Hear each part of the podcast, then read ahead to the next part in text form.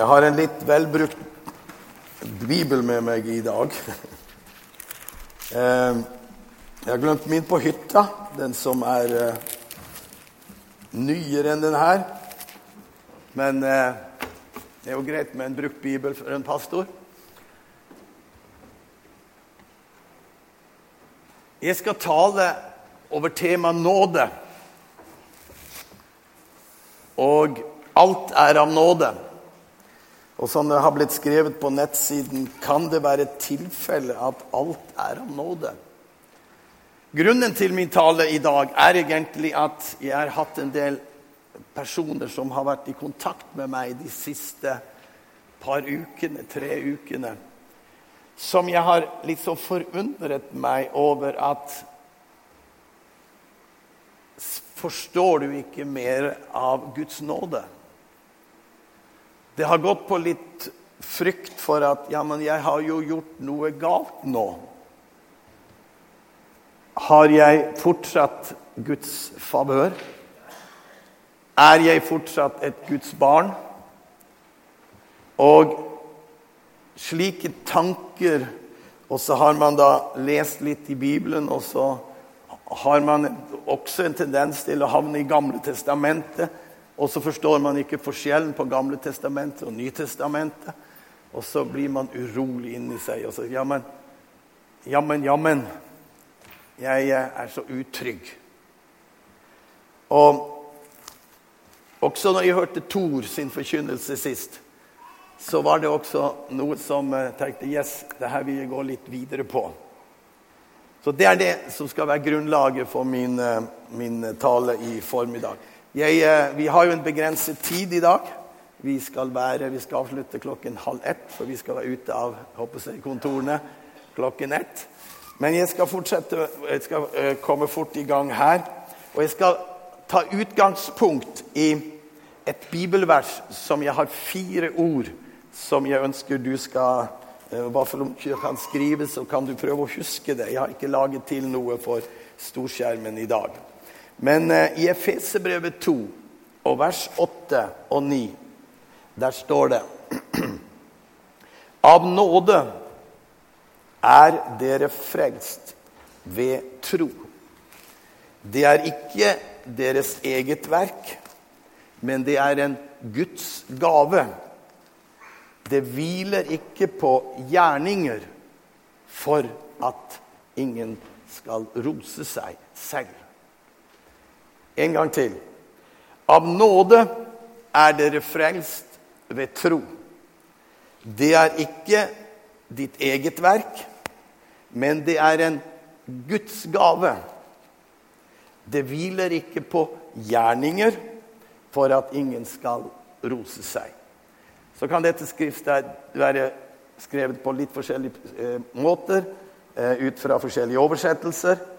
Eh, men det er fire ord i denne framstillingen i det bibelverset som jeg ønsker du skal huske.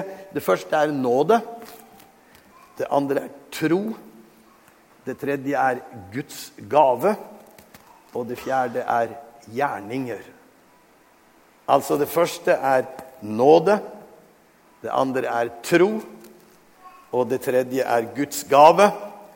Og det fjerde er gjerninger. Eh, jeg skal først starte med nåde. Det er jo det alt står og faller på. Nåde er det grunnleggende fundament som Gud har gitt til alle mennesker. Hør hva jeg sier. Som Gud har gitt til alle mennesker. Nåde er en beslutning som Gud i evighet bestemte for å gi menneskeheten en mulighet å finne tilbake til Gud etter at verden ble lagt i synd i Edens hage. Altså nåde. Det er et begrep, det er et grunnleggende fundament som Gud har gitt verden. Jeg skal komme litt tilbake til det. Det er en nullstilling som Gud gjorde av verden gjennom Det nye testamentet. Og nåde ordet nåde det betyr egentlig ufortjent. Det betyr at om du får noe fra Gud, så får du det ikke av en grunn, men du får det ufortjent. Du har ikke fortjent det, men du fikk det likevel. Det er nåde. Eh, det nærmeste du kommer nåden i forståelse, eller kommer i forståelse av nåden opp mot dagens samfunn, det er dette med å bli benådet i en straffesak. Det er jo slik at eh, eh, kongen han kan gi benådning i statsråd. Altså, hvis en sak kommer opp, ting syns vanskelig, og så blir det søkt om benådning. Og den benådning blir tatt opp i statsråd, og så er det bare kongen som kan gi benådningen. Det er noe av dette på en måte som, som, eh, som beskriver litt Det er på en måte Du har gjort noe som du fortjener en dom til. Men så blir du benådet Eh, og du blir satt fri. Saken er at benådning, eller nåde i Guds øyne, er mye større og mye mer virkelig enn en benådning i statsråd. For du vil ha det hengende på deg som at du fikk en, en du fikk på en måte en imøtekommenhet fra kongen pga. omstendigheter når det gjaldt eh, en benådning i statsråd. Men når Gud gir deg nåde, så er det som om alt det du har gjort, aldri har skjedd. Det er visket totalt ut. Det står faktisk om Gud at han husker ikke de ting som har skjedd. Det er en realitet så virkelig, og det er dette som er på en måte en, eh, en, eh, en fantastisk eh, sak, dette med nåde opp mot, mot mot Gud. Å få, ned, få del i Guds nåde er et tilbud som kan bli til en erfaring, til en opplevelse av å komme inn under Guds pers personlig kjærlighetsrelasjon. Den som har opplevd dette, vet at det er blitt en virkelighet. Det er ikke alltid like enkelt å forklare nåden, men jeg skal prøve det for dere. Altså, Nåde det er noe som ligger på en måte som en, et dekke over menneskeheten. Det er et tilbud. Nåde er noe som Gud har gitt. Hør, Nåden er ikke bare gitt til kristne. Nåden er gitt til alle mennesker. Absolutt alle mennesker er under nåden. Derfor definerer Bibelen og kaller det for nåde. Nådetid. Og Det er det som er forskjellen på Det gamle testamentet og Det nye testamentet. I Det gamle testamentet var det ikke nådetid, men i Det nye testamentet er nådetiden inne. Vi har en sang. Du hører, Stemmen min er litt bedre enn den var i eh, Helgerud, ikke sant? Men uh, den er litt om brussen ennå. Og hvor mange av dere har eh, hørt om en gammel sang som vi lærte uh, på søndagsskolen som heter 'Han har kastet alle mine synder'. Jarle, den kan du sikkert. Gammel søndagsskolelærer. Skal vi prøve å synge den? Skal vi prøve å synge den? Ja. Han har kastet alle mine synder bak sin rygg, bak sin rygg, bak sin rygg. Han har kastet alle mine synder bak sin rygg. Jeg ser dem aldri mer. Og så kommer det interessant vers. For som Østen er fra Vesten, er de langt fra meg. Er de langt fra meg, er de langt fra meg. For som Østen er fra Vesten, er de langt fra meg.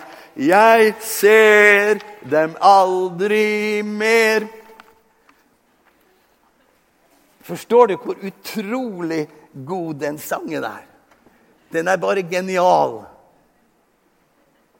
Hvorfor synger ikke vi 'Slik som Nordpolen er fra Sydpolen, er de langt framme'? Hvorfor, hvorfor står ikke det?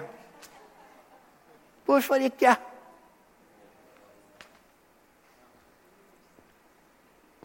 Nordpolen er et punkt.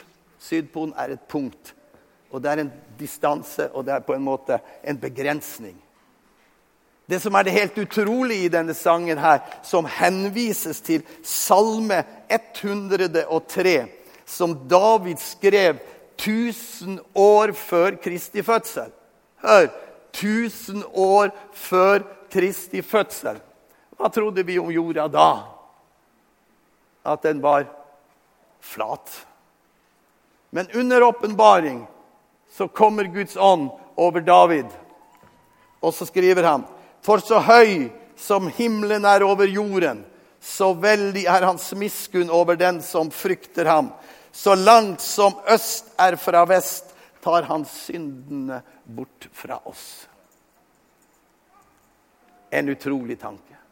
En utrolig åpenbaring i sin samtid. Og det er det som den sangen er bygd på. Men forstår du, når David han så, han forsto plutselig i åndens verden at jorda var rund. Nå bare, nå bare snakker jeg. Og så ser du at hvis du skal tenke deg øst og vest, så vil det aldri bli et sted hvor du kommer Går du mot øst, så går du mot øst. Så går du mot øst hele tiden, hele tiden, hele tiden. Så langt er hans misgjerninger imot oss. Så langt. Altså, så langt som øst er fra vest, betyr egentlig ubegrenset. Uten ende. Så langt er hans synder borte fra oss. Og det er nåde. Og det er en fantastisk tanke, dette, at David kunne få lov å se inn i dette. Han, han, sier jo også den første delen der sier han, For så høyt som himmelen er over jorden, så veldig er hans miskunn over den som frykter ham. Det er jo en fantastisk tanke, det også, men jeg syns den andre der er så utrolig genial. Og så skal jeg ta dere med litt videre på denne nådetanken. Vi, jo, vi vet jo at Adam Han syndet. Han kom i en situasjon Vi sier, vi sier at her borte er Edens hage. Her levde Gud, her levde menneskene i, i, i, frihet, i glede. Alt var såre godt. Og så kommer den onde inn i Edens hage, og så skaper han en situasjon. Og hva skjer? Jo, den første mennesket, Adam, som blir kalt den første Adam, han starter en vandring. Og En dag så møter han djevelen, og så sier djevelen til ham har Gud virkelig sagt sånn og sånn og sånn. sånn. Og så lar han seg fascinere av djevelen. Og så resultatene av det er en synd som kommer inn i hele eh, menneskehetens historie. Frukten av dette er eh, at menneskene kommer inn i synd, tenker synd, gjør synd, er opptatt med det negative. Paulus han sier det onde som jeg ikke vil, det gjør jeg. Men det gode som jeg vil, gjør jeg ikke. Altså, Vi kommer inn i en måte å tenke på som ligger under fallets natur. Det er lett for meg å tenke negative ting eller tenke ting som ligger Ta oss mannfolk. Vi har lett for å tenke på det som har med damer og sex og en del sånne ting som er helt naturlig, som ligger i vår måte å tenke på. Så er kvinner de ønsker å være litt pene, og de ønsker, og de tenker litt i den siden, som noen ganger drar for langt, som vi menn drar for langt i en tanke rundt sex. Men hvorfor? Det er noe som er kommet i vår natur pga. syndefallet. Det forsterkes, det som på en måte er en del av mitt fall, eller menneskets uh, vesen. Mennesket har fått et vesen etter Adams fall som gjør at, at jeg har lettere for, på en måte for å synde enn å gjøre det gode. Men så skjer det noe. Det er at det kommer en person som heter Jesus. Og du skal merke Det står om han i, i 1. Korinterbrev 15. Der står det om han. Han kalles da for den andre Adam. Er det det det står? Eller står det den siste Adam? Det står den siste. Og når du ser for deg at denne Jesus kommer hit Han skal gjenopprette.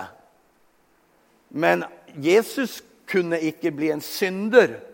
For den første Adam som Satan angrep, om jeg skulle si det sånn, og fristet, han var, han var rettferdig i, i, i Edens. Han var ren. Så når Jesus kommer, så skal han begynne på samme plass som den første Adam. Derfor kalles Jesus for en Adam. Han skal gå inn i Adams sted, ikke i en syndersted. Han skal gå inn i, en, i Adams sted og kalles for den siste Adam. Når Jesus starter sin gjenopprettelse, så gjør han det for siste og for Det kommer ikke noe mer gjenopprettelse. Han gjør denne gjenopprettelsen helt fullkommen. Derfor så, så blir på en måte hele syndehistorien Alt som er kommet inn i verden, hva skjer med Den blir nullstilt. Det er, ny, det er en Jesus som er kommet, det er en redningsmann som er kommet. Han ser for deg at han går inn, og så står han inn i Edens hage som den nye gjenoppretteren. Og så starter han sin vandring. Og så plutselig en dag så kommer Satan til han.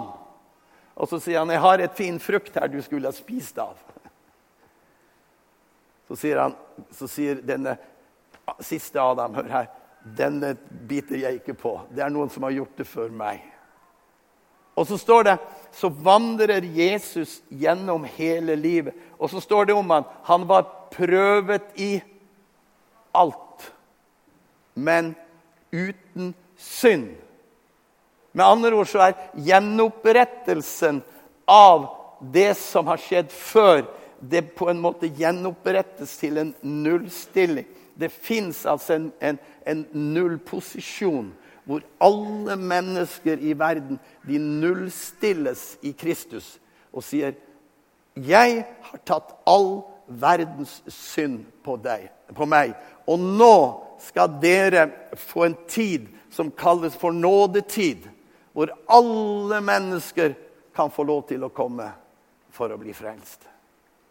Og dette er det som kalles for nåde. Nåde er det mest grunnleggende i den kristne tro. Derfor, når det står der i Bibelen av nåde er dere frelst ved tro, så er altså nåden fundamentet. Nåden er det grunnlaget som vi kan få lov å tro ut fra. Derfor står det av nåde er dere frelst ved tro. Gud ga nåde til hele menneskeheten, men han ga også en, en gave som kalles for å tro. Gaven til å tro det Gud gjør, det, det, er, det, er, det, Gud har gjort, det er der noe av problemet ofte oppstår. Jeg skal ta et bilde før jeg går over til tro og troens gave. Jeg skal ta eh, jeg skal ta denne nullstillingen og vise dere ut fra Lukas 15 om den fortapte sønn. Dere kan historien, ikke sant? Historien går på at det er en far som har to sønner. Og denne ene sønnen, han finner ut at 'nå skal jeg leve livet'. Og så står det han, så får han utbetalt halve arven som tilhører han. Og så drar han av sted, og så lever han et ordentlig partyliv. Som er gøy så lenge det pågikk. Men så tar pengene slutt, og gleden tar slutt, og han havner som grisepasser, står det. Og mens han er der, så kommer en fantastisk tanke til ham. Kanskje jeg skal gå tilbake til min far. Men så kan jo tanken komme men jeg har gjort så mye galt. Jeg har jo mistet alt. Jeg har jo like tatt ut arven. Det er jo ikke mer å få. Så tenker jeg ja, men kanskje jeg kan være grisepasser hos han, da. Så må jo det være en løsning. Og så tar han en beslutning. Han griper det som kalles for troens gave. Jeg vil vende om og gå tilbake til min fars hus. Og hva gjør denne far som, som eh, er tilbake i farshuset? Jo, han står der hele tiden og ser. Kanskje han har kikkert. Nei, han har øyne som ildfluer. Han, han ser og ser og ser og ser etter den sønnen som var borte. Så står det plutselig en dag så han han komme. Og hør Med en gang han fikk så han var på vei tilbake, hva gjør han? Han gir beskjed til sine tjenere start opp festen. Han sier ikke 'Hør her, nå skal jeg snakke litt med ham først'. Nå skal han få vite hva som er reglene her. Han har rota bort alt. Nei, det, det er en fantastisk bilde. Denne sønnen han blir da ønsket velkommen av sin far. Og han tar han med seg hjem til festlokalet, og her sier han som var fortapt, er nå kommet tilbake. La oss fryde og glede oss. Og så hva gjør han? Han gir han gaver. Han overøser han med alt godt. Og hva skjer med denne denne sønnen, hva skjer hos ham? Jo, han blir nullstilt igjen. Han får alt på nytt igjen. Det er en, en, et bilde. Og så er det ofte den sønnen som er i huset, som har opplevd egentlig dette før. Men på, kanskje på en litt annen måte. Han har oppdaga at det var fint å være hjemme. Og så begynner han å murre litt. Og her må jeg si at altfor mye hadde skjedd i kristne rekker. At vi som bodde i huset, vi som var med i kirken, vi som var med i menigheten Vi begynner å lure på de som kommer tilbake. Ja, men eh, sånn folk De har jo gjort det og det og det og det. Men da er det én ting vi skal ha i hodet. At om du var ute i synd, eller du og vokste opp i kirken, så er det én ting som er nødvendig både for den som var borte og den som var hjemme. Det er å forstå at alt er av nåde. Den hjemmeværende blir ikke frelst på noe annet grunnlag, får ikke noe annet favør på noe annet grunnlag enn nåde. Den som er ute, får ikke av, uh, favør på noe annet grunnlag enn nåde. Derfor så er nåden fundamentet vi alle forløser vår tro inn i. Vi begynner å se at jeg er jo tilgitt. Jeg har jo opplevd at jeg har en Gud som er glad i meg, er for meg. Hvorfor skal da jeg begynne å være imot alle mennesker rundt meg? Hvorfor skal jeg sette pekefinger på, på det andre når jeg har så mange pekefingre jeg burde sette på meg selv? Og denne nådens uh, nådens tid. En ny Adam kom, og den nye Adam var den siste Adam. Og det var Jesus. Eh, troens gave Nå skal jeg Oi. Tro, og, tro er en Guds gave. Jesus sa mange ganger til sine disipler dersom du tror, så skal du få se min herlighet. Eller dersom du tror, eller hvor liten tro dere hadde, osv. Hele Nytestamentet er fullt av dette. Tro er nøkkelen inn i Guds rike. Bibelen sier uten tro er det umulig å behage Gud. Å tro at Gud kan hjelpe deg, er en gave som Gud har gitt den som søker ham. Jo mer du er åpen i ditt sinn og positiv i ditt sinn, så vil denne mekanismen av tro slå inn. Det som Vi ser mange mennesker som sliter med å tro. Fordi de har vært så lenge bort fra begrepet om at det er mulighet å tro. Eller at Gud fins ikke, og at han eksisterer ikke. og at eh, det er så mange vanskelig. Ta en mann som Joe eh, Michelet. Dere har hørt om han. Han, han, han kom i en troskrise i forbindelse med, med, eh, at han ble syk. Han har jo vært en klar ateist. Og han skriver om eh, en ting som jeg har lest, og han sier at ja, jeg som var så kritisk til disse eh, kristne, eh, konservative, Jeg har aldri fått så mye flotte brev i mitt liv som jeg har fått fra dem, sa. Hvor han, han sier de har bare godhet å gi meg. Og så sier han jeg skulle så gjerne ha ønsket å kunne tro som dem, men jeg klarer ikke å få det til. Jeg ønsker av hele mitt hjerte, men det er noe som sperrer seg i mitt indre. Og det er ofte en sånn sak at når syndens eh, lønn eller syndens utvikling i et menneske forsterker seg, så er det på en måte eh, ting som som må skje over tid, i samtale osv. osv. Men det viser bare at, at eh, tro er noe som man må arbeide litt med uh, for å ta en beslutning i. Det samme han her Per uh, Fugelli. Han også beskriver noe av dette. Jeg skulle så gjerne ha trodd, sier han. Og hør, mitt poeng med å ta dette med er når du og jeg går og bærer på og har sett dette enorme sannheten. Av nåde er jeg frelst ved tro. Fortell det til alle mennesker. Det er du, du, når snart du begynner å fortelle noen om disse ting, så skjer det egentlig en, en mekanisme. Er at tro begynner å, å løses. Tro begynner å, å, å, på en måte, Det blir som en, en, en moden, det blir som en frukt. Det blir som å tale til, til, til epletreet og så vil du se at frukten begynner å modnes. Slik er vår påvirkning til mennesker som, eh, som trenger kanskje vår hjelp for å oppleve at troen at den modnes fram, og at det kan bli til hjelp. Eh, til slutt så vil jeg ta opp dette med tro, eh, eller med, med, med gjerninger overfor nåden.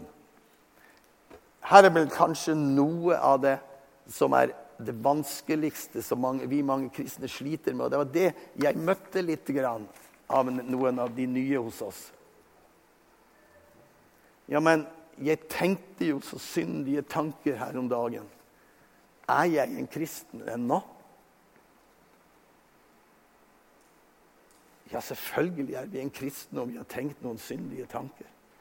Det var en predikant som sa det, at du blir fort frelst, og så er det lang tid å gå bort fra Gud. Og det er noe i det. Det menes på en måte at når du skal forlate Gud, så er det en lang prosess. Du, du, du, om du gjør en feil eller en mangel, så er, så, så er, det, så, så er det ikke dermed sagt at du går in, ut og inn av Guds rike etter feil du gjør. Du, du, liksom kristen, ikke kristen, kristen, ikke kristen. Det fungerer ikke sånn. Men min mor hun hadde et uttrykk som jeg husker godt når jeg var ganske ung. Hun sa det. Men samtidig, sa hun, Tom, så er det noe som sier at du må ikke synde på nåden. Og Det er et ganske godt begrep. Det, det, er nesten sånn at når du har begynt å se nåden, så tenker du ja, ja, nå har, jeg, nå har jeg litt å gå på.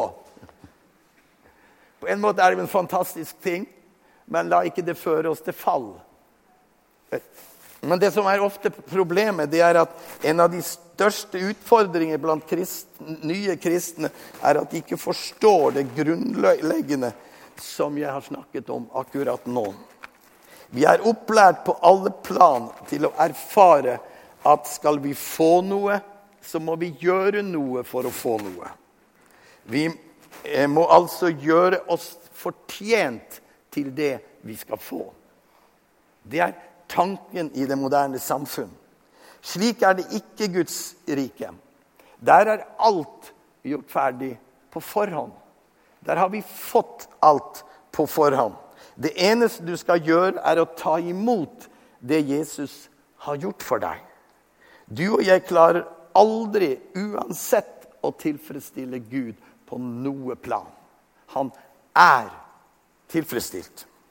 Så skal jeg lage et, et, et, sånt bilde som kom for meg. Her var det sånne fine striper her. Eh, jeg så for meg eh, Jeg så for meg Hva heter Carl Louis. Dere husker han? Og så nå han der, Hva heter han der store fra, fra Justin Bolt, ja. La oss si at jeg lå her, så skulle vi løpe 200 meter. Og så etter tenkning som på verdensvis så skal vi løpe om kapp, og så er det én som vinner prisen. Men se for deg hele gjengen når, eh, når, når han løfter pistolen og gjør klar. Skjer med hele gjengen? Jo, hele gjengen de bøyer kne. og så gjør de seg klar til å løpe. Se for meg og Bolt og hele gjengen. Se for deg det. det. Og er vi klare, gutter? Og da på en måte Hvis jeg skulle tenke at vi skulle prestere noe, og at det var bare den beste som vant, så var det ikke mye nåde. Men det som Jesus gjør når vi bøyer oss ned for å gå inn i hans, i hans eh, eh, liv, det er at Se for deg de står der borte klar. Og så kommer en av banemannskapet, som har fått autoritet, så han, har han mange seierskranser med seg. Og så legger han den ene over til Tom, og så Bolt, og så Carl Louis. Og så setter han på den ene etter den andre. Og så sier han, 'Nå kan dere løpe.' Dere har allerede fått seiersprisen. Dere allerede, Nåden er allerede klar. Dere skal bare være med. Noen skal gjøre mye. Noen kommer til å gå fort med. Noen kommer til å gå litt saktere. Tom kommer til å ta lang tid før han er framme. Men videre. Men alle fikk seiersprisen på forhånd. Det er slik Guds nåde er. Han har allerede gjort det vi skal gå inn i. Derfor så prøv å få det bort fra ditt sinn og ifra dine tanker. Gjør ikke som Martha og Maria i Lukas 10. Der kom Jesus på besøk. Og så Der vil du, ser du to måter å reagere på. Martha hun har valgt den gode del. Og Maria, du gjør deg strev og uro ja, med mange ting. Ser du de to personlighetene som møter Jesus? Marte hun valgte den gode del. Hun satte seg bare ned med hans føtter og hørte livsalige ord fra hans munn, står det. Mens Maria hun begynte å stelle og skulle stå på for å hjelpe. Var det kanskje motsatt? Ja, ja, OK. Den er grei. I alle fall så var det Martha som gjorde for mye. Og så var det Maria som hadde valgt en gode del. Ja, Var det rett nå? Det er flott. Poenget mitt er at i vårt møte med Jesus så er det veldig fort at vi skal begynne å gjøre noe for ham. For vi tror at vi trenger å gjøre noe for ham. Vi skal liksom måtte blidgjøre ham. Vi vil lage litt mat og vi ordner litt blomster og sier 'Jesus, nå har vi det koselig'. Men der ser du at Jesus snakker til Martha. Og så sier han, 'Kom her. Setter du deg også ned. Alt er gjort ferdig.' Og det er hilsenen jeg har til deg. Om noen synder, hva står det da? Da har vi en som taler vår sak innenfor Fader til enhver tid. Denne Jesus, som er også vår advokat La oss jo si at, at Jesus han står her, og så har du Gud der. Og så er menneskeheten der. Og så plutselig så ser, opplever Gud at ting er vanskelig. Så hører han en bønn som kommer fra en av dere. Du skjønner at jammen tror du ikke at jeg ble så sint på jobben i dag at jeg leksa av meg en regle som jeg kanskje ikke skulle gjort Jesus. Kan du tilgi meg? Det er liksom bønnen som kommer til. Så står det så taler han vår sak innenfor Faderen. Så sier Jesus til Faderen, du ser Tom, han blir forferdelig sint av og til. Han tenner, og så snakk, sier han stygge ord som han ikke skulle sett. Ikke sant? Vi gir han en, en, en tid til. Han, han, han, har jo et hjerte som elsker meg, men dette er ting som, skal endres etter hvert. Og så er det like til folk som kan gjøre de grove syndene. Og om noen har gjort noe og kommer til Kristus og sier 'Jesus, jeg, det var egentlig ikke min mening', så taler Jesus vår sak innenfor Gud. Og så sier han 'tilgi ham, tilgi henne en gang til', en gang til, en gang til. Gud, du vet det er nådetid enda. Og Derfor så er livet Det var som jeg skrev tilbake til en dame på, på SMS, faktisk i Tyrkia. når jeg var der. Så skrev jeg det er livet inni deg som skal skape forandringen. Det er ikke noe at du skal prøve å være så god. Det kan kanskje ta fem år, det kan kanskje ta ti år før Gud får gjort det i ditt hjerte som andre mennesker har eh, opplevd eh, både i løpet av ett år, men også kanskje har brukt ti år på å komme til en plass i Kristus de er nå. Men det er livet i oss. Det er livet som er kraften. Det er ikke det å prøve å gjøre noe selv, men det er livet.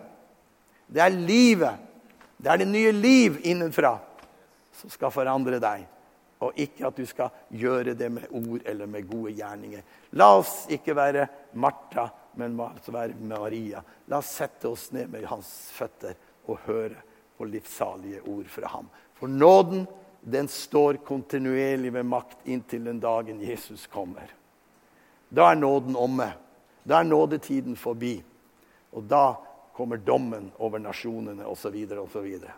Men så lenge det er nådetid, så ikke, dømmer ikke Gud samtidig som han gir nåde. Han stryker ikke, din, eh, han stryker ikke deg som en venn over kinnen og sier det er nåde, og så slår han deg i neste øyeblikk. Det er ikke hans tid. Han, han tåler ikke synd og alt dette her, men nå mens det er nådetid, da er det muligheter. La oss spre dette gode budskap til alle mennesker. Det er nåde å få hos ham nå. Gud velsigne dere.